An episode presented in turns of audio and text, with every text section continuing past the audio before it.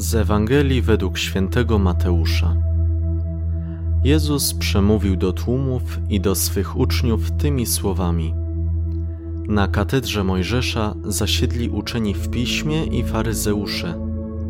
Czyńcie więc i zachowujcie wszystko, co wam polecą, lecz uczynków ich nie naśladujcie. Mówią bowiem, ale sami nie czynią. Wiążą ciężary wielkie i nie do uniesienia i kładą je ludziom na ramiona, lecz sami palcem ruszyć ich nie chcą. Wszystkie swe uczynki spełniają w tym celu, żeby się ludziom pokazać. Rozszerzają swoje filakterie i wydłużają frędzle u płaszczów. Lubią zaszczytne miejsca na ucztach i pierwsze krzesła w synagogach. Chcą, by ich pozdrawiano na rynkach i żeby ludzie nazywali ich rabbi.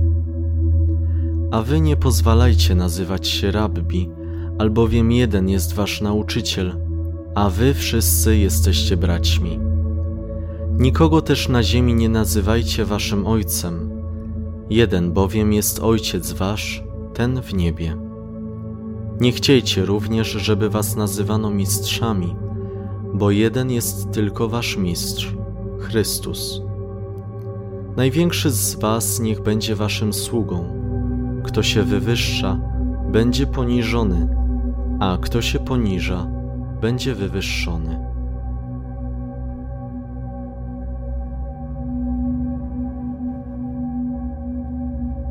Dzisiejsza Ewangelia stawia uczniów Jezusa przed nietypowym zadaniem. Mają oni słuchać i wykonywać to, co im polecają faryzeusze ale pod żadnym pozorem ich nie naśladować.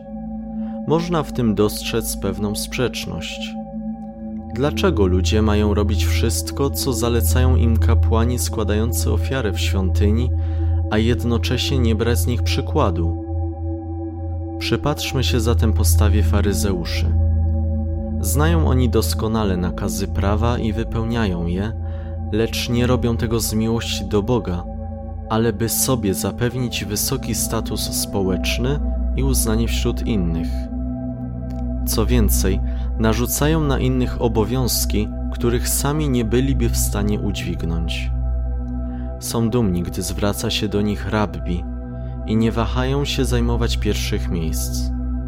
Serca ich nie należą do Boga, są skupione na własnym kulcie na wzajemnej adoracji prowadzącej do zatwardziałości na potrzeby drugiej osoby i głos Boga.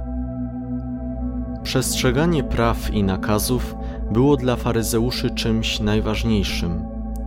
Było ich tak wiele, że przestrzeganie wszystkich stanowiło wielkie obciążenie dla człowieka. Nie przeszkadzało to w tym, aby ci sami faryzeusze wymagali bezwzględnego przestrzegania ponad 600 nakazów i zakazów. Prowadziło to do zaślepienia na drugą osobę i stawianiu prawa ponad nią. Jezus nawołuje nas, abyśmy zmienili spojrzenie z prawnego na pełne miłości.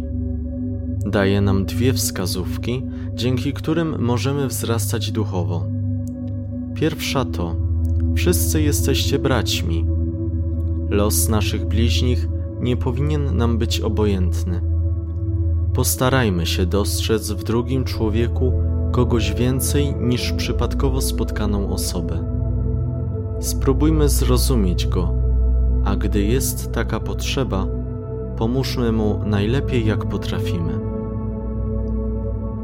Druga wskazówka to całkowita odwrotność tego, co nieustannie proponuje nam świat od dwóch tysięcy lat w jaki sposób ktoś, kto przez cały czas służy komuś i jest najmniejszym, ma być pierwszy?